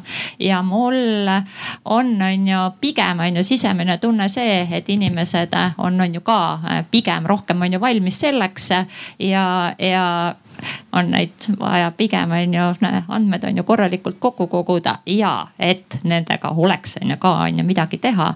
seda suunas on ju minna, kui noh mõelda nagu vastupidi. korra, kui ma võin, ma ütlen sulle repliigis, on küll enamik andmeid või enamik inimesi on usaldanud ja, ja nad arvavad, et nad on, neil on kõikvõimalikud andmed on meile kättesaadavad. et, et ka vanemad inimesed tihtipeale sellised naljakad juhtumid tulevad, teil on seal kõik need andmed, vaadake mu kohta, eks ju, mis nad mu kohta seal ütlesid või tegid või mis on see roo see ühest otsast sinine, teisest valge pill, mis nad mul välja kirjutasid. et nad arvavad, et kõik need andmed on seal olemas terviseinfos, minul tasub ainult vaadata, ma näen ka värvi järgi ära, mis kapsel see oli. et, et seda küll, aga, aga on juhtumeid, kus ka tõesti suletakse ja, ja muidu ei oleks ju tegelikult probleemi, kui need ei olekski, tekikski pärast tõsiselt probleemid. aga te, mis ma veel ju siia juurde tahaksin öelda, on see, et tegelikult üsna üllatav on see, et näiteks mis andmeid, mida siis üldse digiloos eh, individuaalselt iga inimese kohta on ju näha on. väga vähesed on neid vaadanud ja väga äh, ikkagi nagu ollakse midagi vaadanud, aga meie alati soovitame oma on ju patsientidele, minge tutvuge, seal on ju igasuguseid on ju vaktsineerimiste kohta on ju, mida sa näed kuskilt analüüsid äh,. väga palju on ju andmeid, mis juba täna olemas on, et olge sellega noh olemasolevaga rohkem kursis. no aga väga lihtsad asjadki, eks ole, vaktsineerimised, et noh, mul saab puugisüst äkki läbi, eks ole, ma peaks uue tegema, aga mul pole õrna aimu, millal ma selle viimati tegin, no mida ma täna teen, helistan oma pereõele, kes võtab ruudulise kaustiku lahti, vaatab vaatab, ta tegi, sinul on nüüd kahe aasta pärast tuleb, aga lapsele teed sel aastal. ja, ja noh, näiteks mul võiks olla, ma olen kõva aednik, et ma kogu aeg olen mulla sees, et, et võiks olla mingi meeldetuletus, et nüüd võiks teetanuse süsti teha. et on mingid väga-väga lihtsad meeldetuletused, mis tegelikult ju noh, ei, ei maksa mitte midagi, et, et need peaksid olema seal sees. nii nagu sul tuleb teave, et sul saab juhi loal see tervisetõend läbi, tuleb teavitus on ju. noh, ega mul ei ole meeles ju, et kas see saab läbi või ei ole. et noh, et sellised asjad, ma arvan, aitaks nagu kohe kaasa. aga ma ühe asja veel andmete peale mõeldes küsin, et aga vaata, kui need andmed on kusagil koos ja noh, nagu sa ütled, kui nad juba kuskil koos on ja nad, nad on kusagil kättesaadavad. sa ei ole nagu maailma viimase päevani kindel, et äkki keegi häki sinna andmebaasi ja mis siis saab, kui, kui juhtub, et näiteks, et sa ei saa pangast laenu sellepärast või intress on maru kõrge, öeldakse, et me vaatame, et sul siin nagu väga pikka nagu pidu ei ole, et, et noh, et kolmekümneks aastaks ma küll sulle laenu ei taha anda või anna, noh maksad nagu, nagu kolm korda kõrgemat intressi. ja, ja siis me tahame veel nagu mingit tohutut nagu garantiisid ka on ju terve suguvõsa nagu asjad pange hüpoteekide alla, et sa saad laenu võtta. või siis nagu kindlustuskoefitsient läheb ülesse sellepärast, et sa oled noh juhtumisi noh mingi hullu riskikäitumisega või, või tervis on selline, et et, et ähm, ei tea noh, kas nagu, nagu saab väga nagu kindlustada. mis nagu, kas, kas see on, kas see on reaalne, Karmen, et nii võib juhtuda? ma toon siia see, et äh, USA-s on ju paljud erakindlustuskompaniid viiendal korrusel ilma liftita majas, et, et siis on äh, kuskilt mujalt ei näe, siis teed lihtsalt praktika käigus selgeks, kes sinna jõuab ja, ja missuguses seisus ta on pulsimuutur on ukse peal. just, äh, et no ega tegelikult on ju ikkagi lõpuks, me räägime terviseandmetest. ehk siis inimesel on ju tegelikult huvi neid andmeid anda, see on ju üheselt selge. et äh, kui inimene noh, ongi, et kui ta nüüd tegeleb hommikul sellega, et ta ärkab üles ja läheb, mõtleb, et oh läheks digilukku ja paneb, võtaks oma nõusolekuid tagasi, noh. siis ma ütlen ka, et sellel inimesel on vaja mingit paremat ajaviidet või hobi on ju. et äh, sellega täiesti nõus. aga ma arvan, et see ongi nüüd see koht nende, just nende stsenaariumite jaoks, et kuna need andmed on olemas. ja noh, see, et mingitesse, mingite andmebaasid aeg-ajalt lekivad, no see on paratamatus, et see ei ole ju kunagi küsimus, et kas, vaid see on alati küsimus, kuna on ju. et see on selge, et kui need andmed seal on, me kõik saame, me tahame, et need seal on, sest me saame sellest tegelikult kasu. no selge on see, et ühel hetkel võib juhtuda, et keegi saab nendele ligi, kes ei oleks pidanud saama ja noh, siis ongi, et kindlustusmakse tõuseb ja siis pangast saad teate, et järgmine laenuleping tuleb lühema ajaga onju. no see on paratamatus, millega me peame leppima, aga ma arvan, see ongi see koht, kus õigus tuleb appi. see on väheseid asju, mida õigus saab inimeste jaoks teha, et luua neid kaitsegarantiisid. et me panemegi, meil on seaduses kirjas, et kindlustus ei või teatud andmeid kasutada, punkt. et see, et isegi kui see andmebaas siis äh, lekib ja neil sellele ligipääs on, et see on see koht, kus me ütleme, et tuleb seadusandja astub siis meie kaitsel sinna välja. ja see tuleb lihtsalt enne pidevalt läbi mõelda, et mis on need kõige suuremad riskid, kus õigus peaks sekkuma ja ütlema siis sellised, panema nii-öelda siis kivimüürid ette. et kuigi on võimalik, tehniliselt on võimalik, manuaalselt on võimalik, need andmed on mine ja võta ja tee, aga me ei või seda teha, sest me oleme ühiskonnana nii kokku leppinud. et ma arvan, see on kõige suurem ülesanne õigusel äh, siinkohas mis meil siis täna nagu regulatsioonis nagu need paar-kolm konkreetset asja, mis on puudu nagu selle arutelu kontekstis sinu arvates? No mis, no mis on puudu, no mõtleme, kui me võtame nagu viis aastat edasi, et äh, järjest enam kuna juba täna noh, nagu sa isegi ütlesid, on ju, et algoritm on tegelikult võimeline mingeid asju noh ütlema palju tugevama täpsusega, palju tugevama kindlusega, kui inimene lihtsalt paratamatult seda üldse suudaks. võtame veel juurde selle, et noh, see, et meil arste ja õdesid ei ole piisavalt, see mure ei lahene ei täna, nagu sa ise ka ütled, et sa võid analüüsida iga hommik, aga see mure ei lahene ei täna, homme ega kümne aasta pärast. et eks me järjest rohkem hakkame tuginema lihtsalt sellele, et, et äh, automaatotsus ütleb meie kohta midagi. et no mis on, mis on õiguses äh, need võib-olla need kohad, et mida nagu võib-olla tasub äh, seadusandjal mõelda, et noh, üks on see, et no täna on üle-euroopaline reegel ja see noh, selle muutmise tõenäosus on väga väike, et noh lapse kohta me automaatotsust teha ei või, onju. kui me lapse kohta automaatotsust teha ei või, noh kuidas me siis ikkagi nüüd seda viie aasta plaani nagu edasiliikumist, liikumist teeme. no teine on täpselt seesama, et, et, et kuidas me saame, kuidas saab inimene, patsient anda selle nõusoleku niimoodi, et ta saab tõesti aru, miks ta selle annab. aga mitte niimoodi, et ma annan nõusoleku ja ma sina saad sellest abi. aga näiteks Kadi keskuses ma ei saa abi, seepärast et see nõusolekul sinna kehtivuspikkust ei ole, onju. seepärast, et sinul on need andmed, aga sa tead, Kadi helistab sulle, küsib seda, et ja ma tean, aga ma ei ütle sulle, onju. et, et kuidas nagu saada ikkagi seda, no seda fragmenteerumist kogu aeg väheseks, et, et ma arvan, siin on, kus seadusandjal kindlasti on võimalik midagi teha aga täna, täna, täna veel seal mingit head lahendust meil ei ole, kuna meil on lihtsalt andmekaitse on väga detailiseeritud nõuetega, no võtame kasvõi nõusolekule. et selleks, et see oleks teadlik, inimene saaks aru, no selleks no ütleme kasvõi ainuüksi meditsiinivaldkonnas see nõusolek peaks olema mitu lehekülge pikk.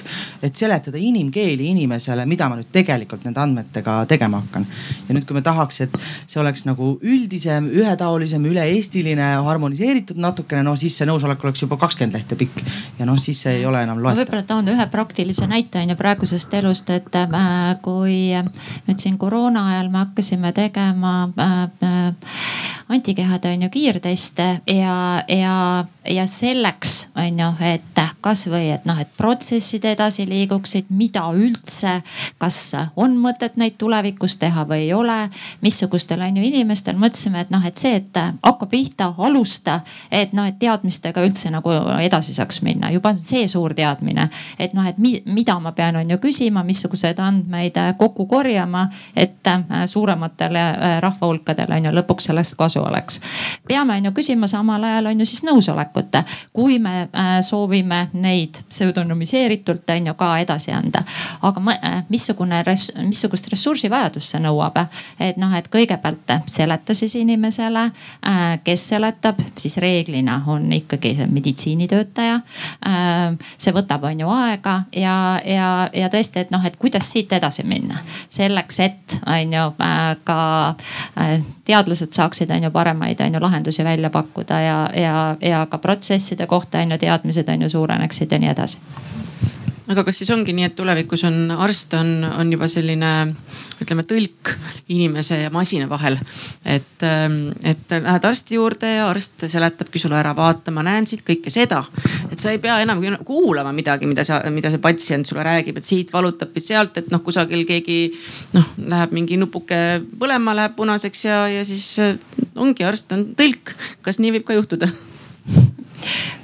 no mõnes mõttes ma arvan, et selline tõlgi staatus jääb see niikuinii selles osas, et, et kuivad numbrid või, või mingi statistika või, või siis kasvõi fakt, eks ju, iseenesest äh, vajab äh, noh, arusaadavalt lahtiseletamist või kontrollimist, et kuidas inimene sellest aru saab. seetõttu, et inimesed saavad erinevalt numbritest aru, kasvõi protsentidest on see täielik erinev arusaam. et see tuleb nagu ära, ära kontrollida või aru saada.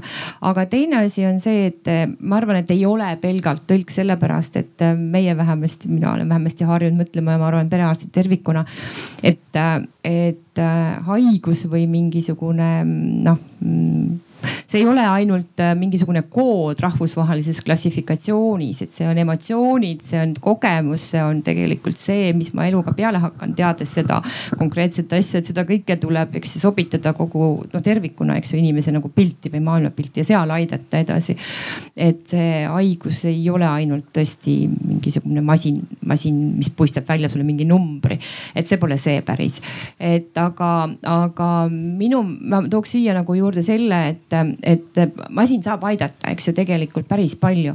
ehk mul on näiteks üks kogemus sellega kuidas Soomes on üks väga hea süsteem, mis on inimesele abiks, eh, näiteks südame-veresoonkonna, me alustasime südame-veresoonkonna haigusest ja sellest riski ennustamisest ja, ja, ja see on inimestele endale mõeldud kodus kasutamiseks, mida meie praegu katsetame, kuidas ta töötab perearstikeskuses, nii et perearst aitab patsiendil aru saada, aga seal on ta inimesele endale mm. -hmm. ehk et sinna kogunevad kokku ka geeniandmed ehk et geenirisk tuleb koos kõikide oma muude tervisekäitumise riskidega ja siis, siis kalkuleeritakse inimesele sihukese kompassi näol selline konkreetne nagu keskmisest äh, selle vanusegrupi inimesest, eks ju, erinev risk, et kas ta on väiksem või suurem. ja siis antakse talle nagu sellist praktilist nõu, et noh, vot, et sul on näiteks kümme protsenti suurem, see tähendab seda, et vot, et nüüd sul on näiteks kõrgem kolesterool ja sa suitsetad ja noh, tee siis seda, et sa noh sööd, sööd võib-olla siis vähem selliseid kaloririkkaid, süsivesikurikkaid ja kolesteroolirikkaid toitaineid või, või mine arsti juurde, lase kolesteroolitablett välja kirjutada. või et siis või et siis jätta suitsetamine, eks ju, katki. no vot, et see on nagu inimesele endale abiks, kus ta saab nagu ka siis otsustada, mis ta teeb, ta saab isegi näiteks nagu oma tegevusi planeerida ja mõõta mingisuguseid näitajaid ja siis uuesti riski sisestada. aga seal vahel meie oleme leidnud, et peaks ikkagi olema ka see koht, kus ta saab arutada kõige selle üle. mis see siis mis tema, jaoks, siis tema tähendab, jaoks tähendab? kas ta läheb nüüd Tartu maratonile, eks just, ole, sest eelmine iga aasta mõni sureb ära seal on ju. et äh, väga sportlik, tervislik tegevus, aga lõpeb surmaga on ju. just ja kui me näiteks tõrjume ära, ütleme, et noh, et ei, et nüüd masin aitab, eks ju, et ei ole vaja. et järsku ta siis ei tulegi tervishoiusüsteemi, vaid läheb ja küsib kuskilt, meil on ikka üsna palju sellist uh, uhuu või alternatiivmeditsiini usku või, või leiab mingisugust abi kuskilt mujalt, mis võib hoopis kahju teha, eks ju, et. et noh, ma kujutan ette, et me päris ei saa lasta nii, et masin on, eks ju, toimetab nüüd omaette et, et seal vahel on natuke nagu ka vaja ikka sellist individuaalset lähenemist. Siit tuleb mulle meelde üks arstide nali, et patsient helistab arstikeskusesse ja ütleb, et noh, et Google, guugeldasin ja sain on ju sellise on ju diagnoosi, et nüüd sooviks teisest arvamust. keskuses vastatakse, et kasutage nüüd Yahoo'd kusjuures minul on see täiesti kogemus olemas, et mulle üks erialaarst ütles nii, et ähm, ma sain ühe diagnoosi aastaid tagasi ja, ja selgus, et ma pean elu lõpuni ühte ravimit võtma ja ma olin nagu väga nagu löödud sellest, sest ma, mulle tundus see nii kohutav. ja, ja siis ma esitasin talle kohe no umbes viis küsimust ja siis ta kolmanda peale ütles nii, et kuulge, ärge küsige rohkem, minge Google'isse lugege. ja, ja see oli täiesti reaalne, ma mõtlesin, et issand jumal, et kas see juhtuski nüüd, et, et arst ütles, et mine luge, loe Google'ist, et mis, mul on aeg otsas, viisteist minutit sai just läbi, mul on veel kolm sihukest tüüpi ukse taga onju. et aga nüüd ma tegelikult tahaks nüüd, äh, Andres, sul on. ei, ma ainult mõtlesingi, et noh, et näiteks sama töötukassa näide, kus me, mis me tõime, et ma tahangi öelda, et ega jah, masinad ikka veel otsuseid ei tee. masinad aitavad nagu neid inimesi prioritiseerida, kellega tegeleda põhjalikumalt. ta noh, kuidas öelda nagu ta paneb linnukese kirja, et see on probleemne inimene. mine nüüd tema andmetesse sisse detailsemalt, et vaata, mis see põhjus on. noh, masin tegelikult suudab ka öelda ka nagu miks ta on täpselt nagu selle südame puhul, haiguste puhul, et noh, et mis on need tegurid on ju näiteks, mis seda riski suurendavad. aga et siiamaani jah, ikka nagu see päris automaatne see otsus meil ei ole. ta ikkagi nagu otsustustugi praegu. aga mõtle, kui äge oleks nii, et kui perearst hakkaks mulle helistama ja ütleks nii, et, et, et Annika, et sul on tegelikult nüüd üks, üks asi vaja üle kontrollida. et ma siin vaatasin andmetest, et, et muu on kõik korras, aga mine nüüd tee see vereanalüüs ära ja, ja siis ma saan teada, et kas see minu nagu arvutist ette jooksnud ringi risk on, on tõsine või mitte. et noh, täna tegelikult me ise, kui meil mingi tunne on, et kusagilt on midagi häda või, või vajab kontrollimist, läheme, see on nagu nii-öelda nõudlusepõhine. aga, aga, aga kujutad ette, kui see oleks pakkumisepõhine niimoodi, et perearst prioritiseeribki öö, oma, oma nii-öelda nimistus ära need inimesed, kellega tal on vaja tegeleda. ja need teised, kellel parasjagu noh, ei ole siis vaja võib-olla tegeleda ja kuskilt ei valuta ka, ei, ei, ei kuluta aega. vaid, vaid see arsti aeg lähebki õigesse kohta, kuidas see mõte tundub? No iseenesest sellised äh, asjad ju toimivad ka praegusel hetkel teatud sel noh patsientide gruppide puhul, et äh, mitte päris tervete noorte puhul noh, aga, aga praegu, millised projektid, eks ju Eestis ka käimas on, on, on just nimelt need kroonilised haiged ja äh, või eakamad inimesed ja arvestades seda, et noh, andmed tulevad kokku nüüd meile, et näitavad ahaa, et vot, et konkreetselt sellel eakal inimesel on sellise haiglasse sattumise või hospitaliseerimise risk päris kõrge ja siis sellest saab siis perearstikeskus nagu teada, eks ju, need, kes on nendes projektides, ma arvan, see võib laieneda ka nüüd laiemale.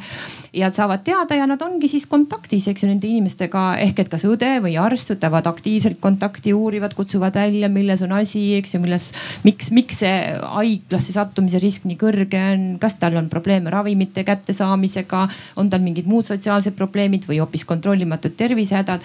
nii et, et sellised, selliseid asju täitsa on ja, ja ma arvan, et, et see on nagu küll üks täitsa noh, nagu adekvaatne ja asjalik lähenemine ehk et, et kui andmete põhjal, mis on tekkinud, välja joonistub, eks ju, mingisugune tõsine risk, noh, seesama kukkumise risk näiteks ka, et siis, siis see on see, kus nagu teravdatud tähelepanu äh, juhtida. aga nüüd on see küsimus, eks ju see, et, et ongi, et, et kuidas me nagu noh, üks on, on see, mis juba olemasolevad andmed on, millele on patsient andnud õiguse, eks ju vaadata. aga nüüd on neid palju teisi andmeid ka, mida me veel võib-olla infosüsteemis kasutada ei saa. noh näiteks kasvõi seesama geeniinfo, mina tooks, et kui ma leiaksin näiteks või kui, kui tuleb info, et, et tal on väga kõrge risk näiteks mingisuguseks, no näiteks monogeenne ehk et see on siis ühest geenist või kahest mõõdutud risk. et väga kõrge risk ja see tähendab tegelikult väga hoolikat järelevalveprogrammi, et võimalikult varakult jälile jõuda, aga kui ta pole pöördunud, kas ma võin tegelikult just, inimese just. juurde minna.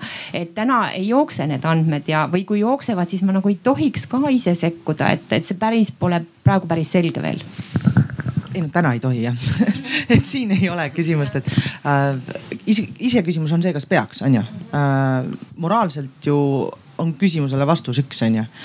aga eks, eks need kaitsemehhanismid, mis on loodud, noh, need ei ole nüüd moraalsete valikute kuidagi nende vastu võitlemiseks, vaid need on nagu teise hüve kaitseks.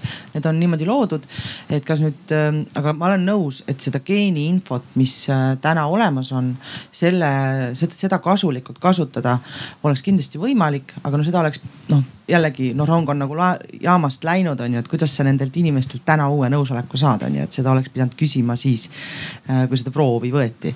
ja oleks äh, selline küsimus olnudki äh, laua pealt maas. -hmm. aga nüüd ma pöördun kuulajate poole täpselt sama küsimusega, et kas nüüd pärast seda, mis te siin kõik kuulnud olete, te ikkagi tahate oma terviseandmeid jagada?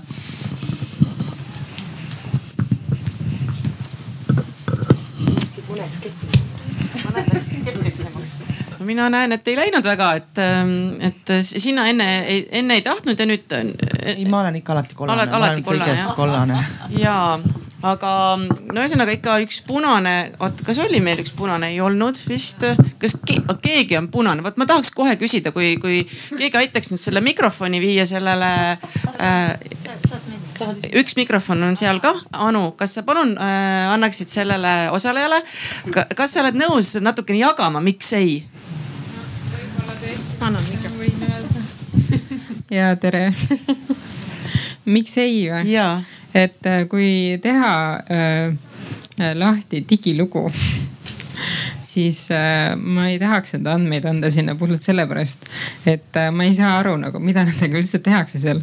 sest äh, minu andmed jooksevad ühe pika tekstina et ma isegi ei saa aru, kuidas see arst leiab sealt õiged asjad ülesse. et äh, mina kui disainer, visuaalne inimene, kellele meeldib loogika siis äh, seal puudub absoluutselt igasugune loogika, et miks ma pean enda andmed andma sellisele saamatule süsteemile no et kui see oleks arsti, kui see oleks nagu, et kui see oleks, kui nende andmekede tehakse näiteks niimoodi, et arst, mina lähen arsti juurde äh,. arst teeb enda ekraani lahti, seal on näiteks mingi a la inimese figuur on ju, tal on täpselt umbes, kus on millal on olnud peavalu, millal on olnud luumurd on ju, millal on olnud mingi südamerike. seal on nagu ajaliselt, loogiliselt mingid asjad nagu arstile kohe arusaadavad, mitte see, et arst võtab mu digiloo lahti ja siis hakkab lugema ja loeb niimoodi, et seal ei ole isegi nagu kuupäevad jooksevad ka teksti seest. ja see, et, et millal ma mingeid ravimeid olen võtnud või äh, millal ma kuskil teises analüüsis olen käinud, millal on tehtud must röntgen, mida iganes, see on nagu lihtsalt üks lõputu raba laugas, kus mitte keegi ei leia mitte midagi ülesse. et puhtalt sellepärast, et palun, kui te kasut-, tahate minu andmeid, kasutage neid nagu normaalselt, nii et sellest olekski mingit kasu ja neid ei pea sealt nagu puhtalt sellepärast.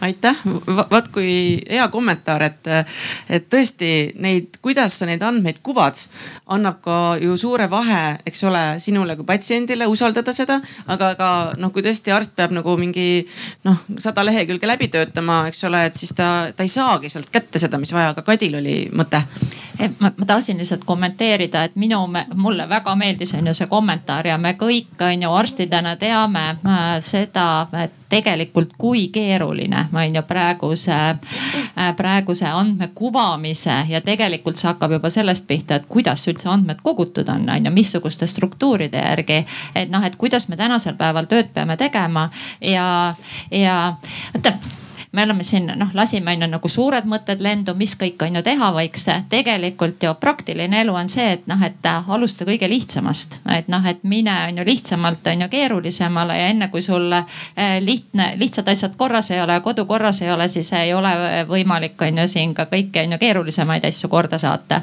ehk on ju meil on küll on ju digilugu, mille üle me väga on ju uhked oleme, aga see, kuidas me siin andmed kogunud oleme, mida me sealt ka spetsialistid spetsialistidena äh, kokku koguda saame, äh, kiiresti on ju vaadata saame, et see jätab väga palju soovida ja kui siin vahepeal oli küsimus, et noh, et mida peaks tegema, on ju riik. noh, siin meil on ju praktikutena, arstidena, meie siin äh, oluliselt on ju, me võime on ju nõu anda äh,, oma soove avaldada, aga, aga see peaks ikkagi olema on ju teisel tasandil äh, kokku lepitud.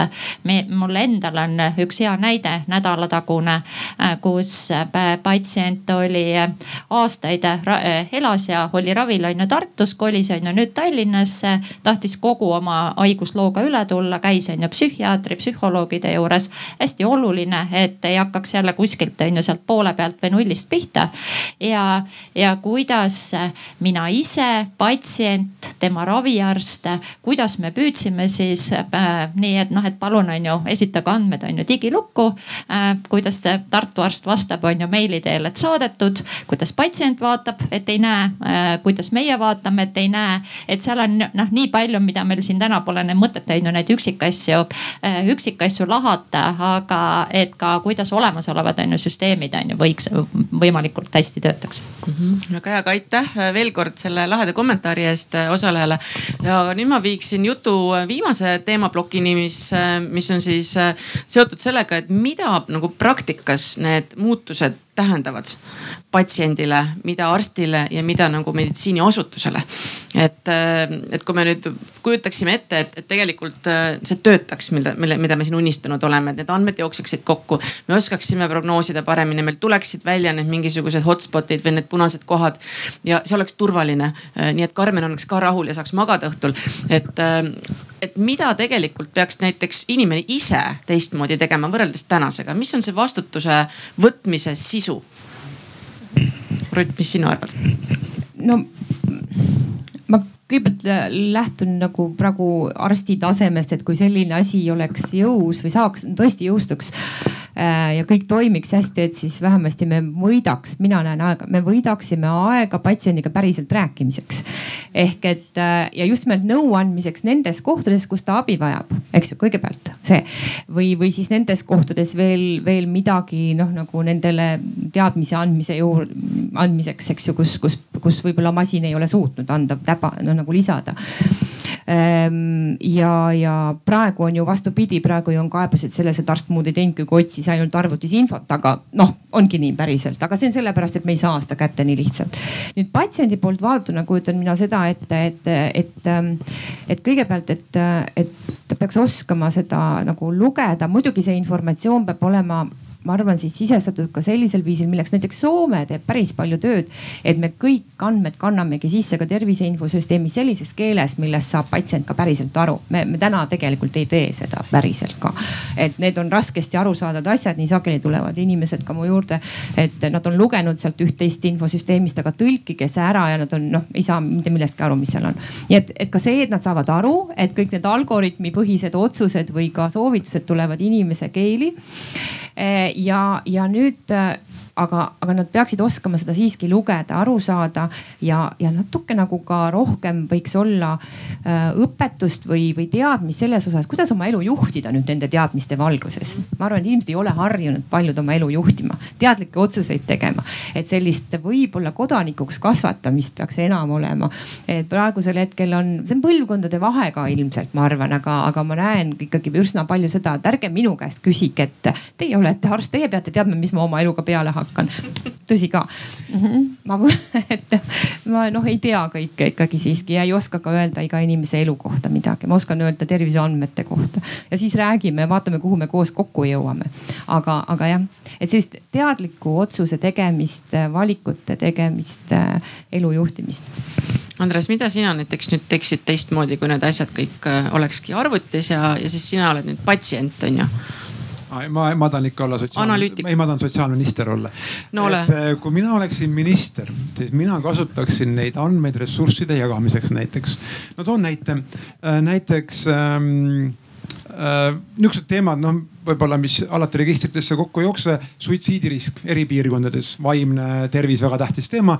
et selleks, et aru saada, et kus oleks meil rohkem vaja nõustamist. Ida-Virumaal, Saaremaal, Hiiumaal, mida ma lihtsalt saan teha, võtan Google'isse, toksin sisse märksõna, Google Trends on hea koht on ju. sisse näiteks, et kuidas sooritada enesetappu ja vaatan, millises piirkonnas inimesed kõige rohkem seda otsivad ja näen, et seal piirkonnas Põlvamaal kõige rohkem inimesi otsinud, selle operatsioonisüsteemiga ka veel tean, profileerin nad ära ja jagan raha sinna näiteks. analoogset asja tegelikult tehakse Kanada, telliski niisuguse uuringu IT-firmalt, et sotsiaalmeedia andmete pealt ennustada, kus piirkonnas on rohkem probleeme ja kuhu peaks riik rohkem raha suunama. või võtke Eesti puhul näiteks, vaadake märksõna, kes otsivad töötukassat, mis piirkonnast kõige Covidi ajal eriti, kõige vähem otsisid inimesed seda Tallinnast Tartust, neil pole probleeme. maapiirkonnas palju rohkem otsiti või kes otsivad sõna koroona on ju näiteks on ju. et või Covid, Covidit otsisid ainult Tartu, Tallinn, ainult teadlased otsivad on ju, et koroonat otsib tavainimene.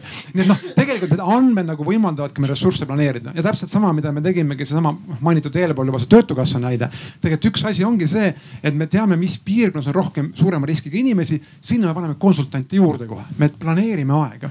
nii et on see nagu mina mina näen, et kohe nagu ma oleks tervishoiujuht on ju, ma kasutaks seda. no või võtame, et kas me teame, kui palju meil on järjekord Eestis? ega me ei tea, sest et järjekordade info on väga raske kätte saada. proovige ennast järjekorda panna, öelge, et helistage kuu aja pärast, siis saate järjekorda panna, üldse panna. ja me isegi ei tea, mis meil on vajadus on ju tegelikult tervishoiuteenuste järgi.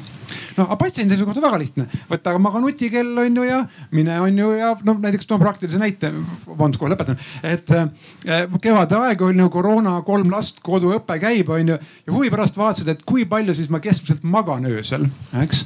ja võrdlesin seda kõikide teiste noh, enam-vähem minuvanustes meestega, kes ka nutikeelest kasutab.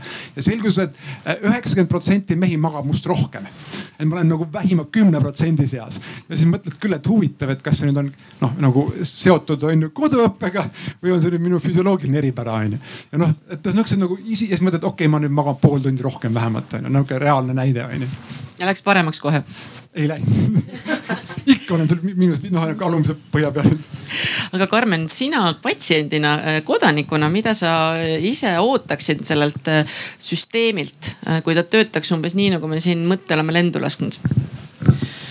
no tänases situatsioonis ja ma just mõtlen ka vastusena sellele kommentaarile, et, et me ikkagi jõuame tagasi sinna, et läbipaistvus ja usaldus on ju. ja see usaldus ei ole ainult selles, et sul on seaduses kirjas, et sul on õigus esitada kaebus äh, või see, et su nõusoleku tekst on kaks lehekülge pikk, on ju. et see usaldus algab nii sellest, kes ja kuidas selle andmete kogumist mulle seletab, millisesse teenusesse see välja jookseb. see teenuse disain peab olema usaldust äratav. kui teenuse disain pole usaldust äratav, siis ma ei usalda elus ka seda ju, et kuidas nende andmetega, et kas see teenus on ka häkitav on ju. loomulikult on, kui ta näeb välja nagu text of wall, noh wall of text on ju.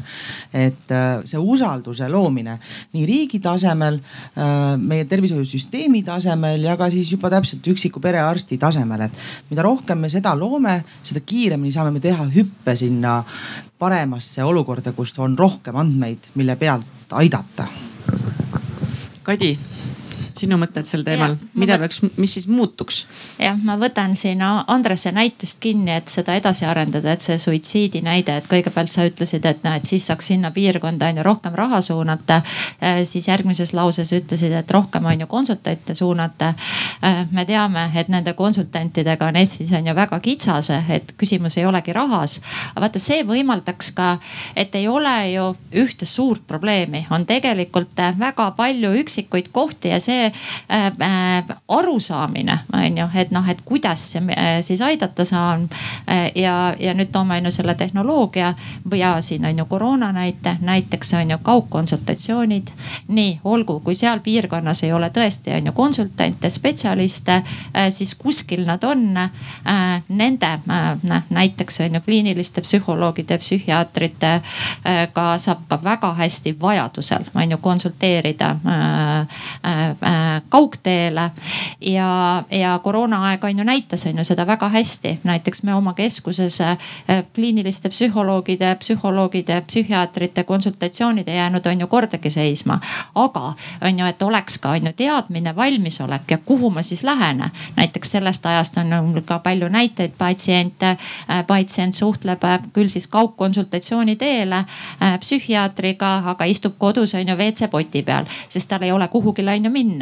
Aga võib-olla piisaks ainult sellest, et on, on ju kuskil sellised niinimetatud turvalised on ju digipunktid ja on ju see suur defitsiitne ressurss saadakse kätte kuidagi on ju teistmoodi. aga kõik sellised, need kombinatsioonid aitavad leida on ju lahendusi, et, et mida teha paremini. ideaalsesse maailma me niikuinii ei jõua aga mida sina arstikeskuse juhina näed, et sina pead ära tegema arstide jaoks, et nad tegelikult saaksid neid ressursse kasutada eh, patsiendi huvides maksimaalselt? Noh, kõigepealt äh, äh, kõigepealt väga palju ja väga äh, pisikesi asju saab ära teha, et ma arva, armastan oma keskuses siis, kui inimesed tööle tulevad ja selline esimene selline tutvustav on ju koolitus. siis kõigile on ju kohe on ju selgeks teha, et ma väga on ju unistan ja tahan ja teeme kõik on ju praktiliselt selleks, et arstid saaksid teha arstitööd, õed saaksid teha õetööd ja assistendid ja, ja kogu tugipersonal teeksid oma tööd. et, et seda äh, ressurssi võimalikult on ju õigesti kasutada. ma arvan, et tänasel, tänasel päeval meditsiinis üldiselt on, on ju siiski veel, me oleme sinnapoole kaldu, et, et arstid teevad õetööd, õed, õed teevad on ju assistenditööd. sellised väiksed sammud on ju aitavad on ju seda paremaks teha. ja, ja kui arst teeb tõesti on ju arstitööd, siis ta on esiteks on ju tal, nii tal peab olema ka, ma olen, mina olen olen natukene on ju seda meelt, et me meditsiinitöötajatena suures osas olemegi tõlgid, on ju tõlgid on ju. et mida sina individuaalselt on ju tegema peaksid, lahti seletama ja siis su palju suurema tõenäosusega inimene teeb ka õigeid on ju terviseotsuseid. me ei ole ju selles, et me ainult on ju ignorandid oleme, paljudes kohtades ka oleme, teame, et ei tohiks ennast paksuks süüa, tuleb on ju liigutada. aga, aga kui me seal nagu natukene nagu täpsemalt ja paremini aru saame, et miks see minu jaoks just on ju oluline on, siis me ka suurema tõenäosusega on ju haakume ja, ja, ja, ja selle on ju võimaldamine, et, et igaüks annaks siis sellel tasemel on ju õiget nõu ja just on ju sinu jaoks. ma arvan, et see on nagu oluline ja see ongi tööprotsesside paikapanemine, tehnoloogia kasutamine, et seda võimalikult efektiivselt teha väga hea, viimane nii-öelda lausevõimalus veel selles juturingis, kas keegi soovib? ma ei tea, ma jälle tahaks nihukese pessimistliku noodi ka siia panna, et, et võib-olla me natukene nagu oleme liiga optimistlikud, et inimesed hakkavad oma käitumist muutma, onju.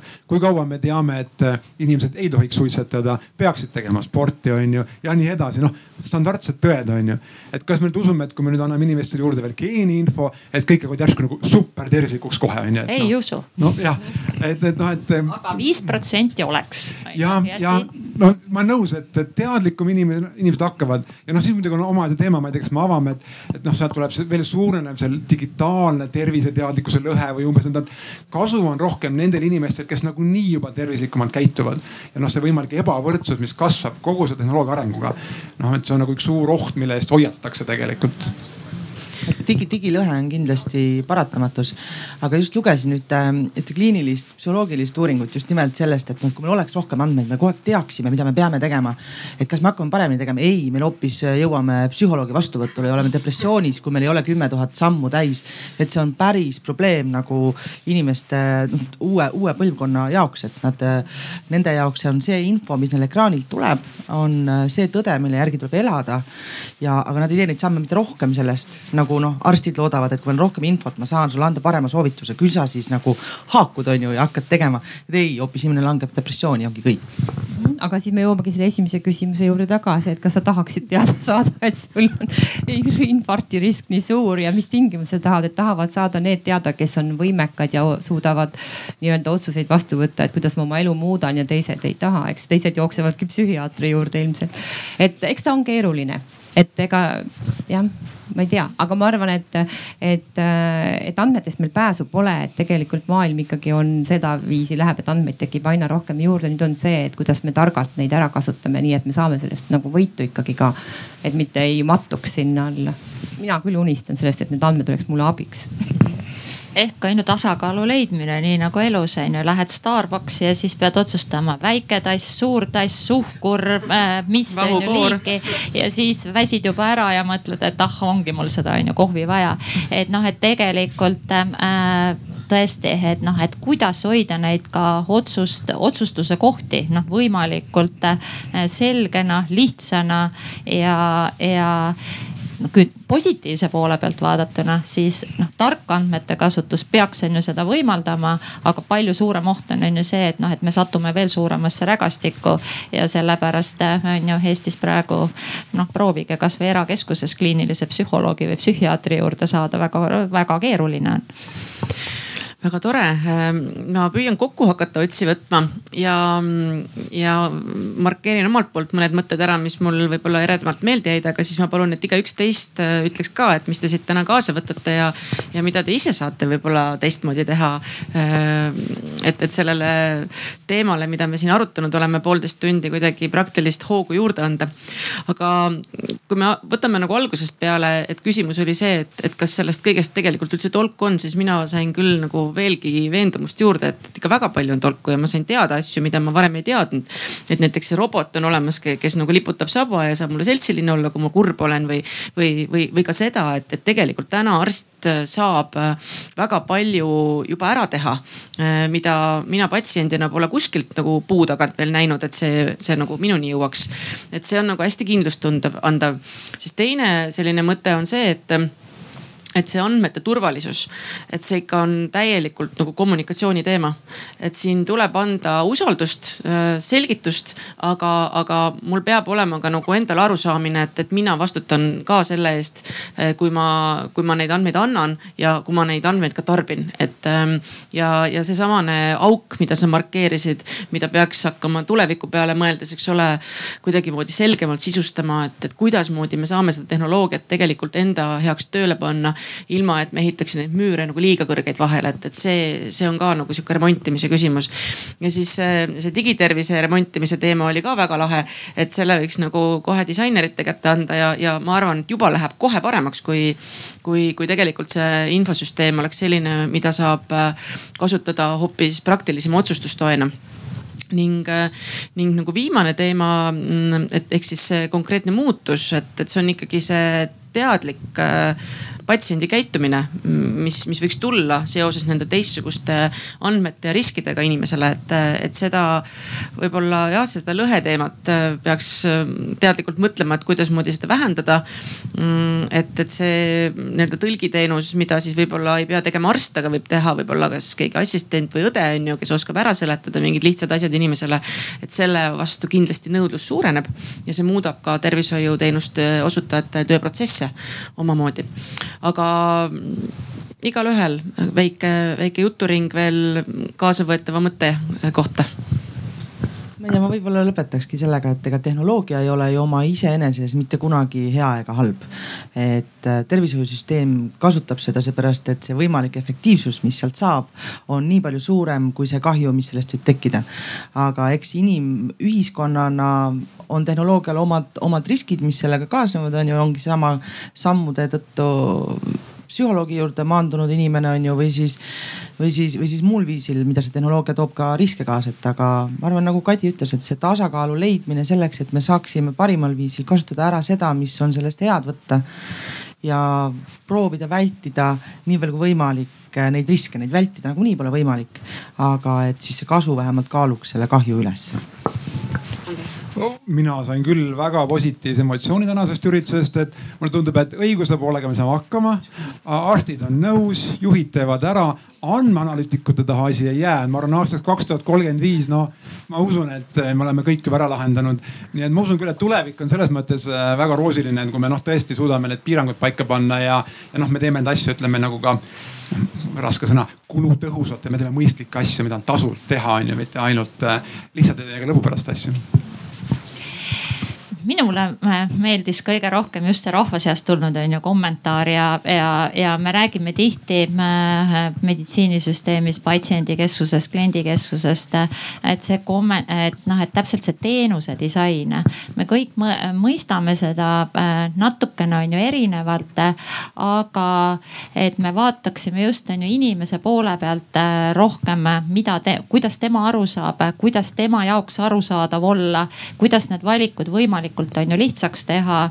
ja, ja, ja, ja et noh, et see inimene oma vajadustega oleks kõigepealt on ju esikohal ja siis kohe on ju sealt kõrvalt loomulikult, et kuidas ma seda olemasolevat ressurssi sellisel juhul on ju kõige paremini kasutada saan. Ja, ja, ja kõik need on ju siis veel mõtted on ju kõik kokku panna ja ära ka teha on ju, et see on nagu challenge, millega me igapäevaselt on ju tegelemegi ja mis mulle endale on ju väga meeldib ja ja, ja, ja ei tohi kunagi unustada, et siiski väikesed, väikestest sammudest saab kokku on ju suure sammu ja, ja astume neid väikseid samme, aga peaasi, et enam-vähem on ju õiges suunas. isegi kui suund on vale, on ju, siis saab jälle õige suuna võtta.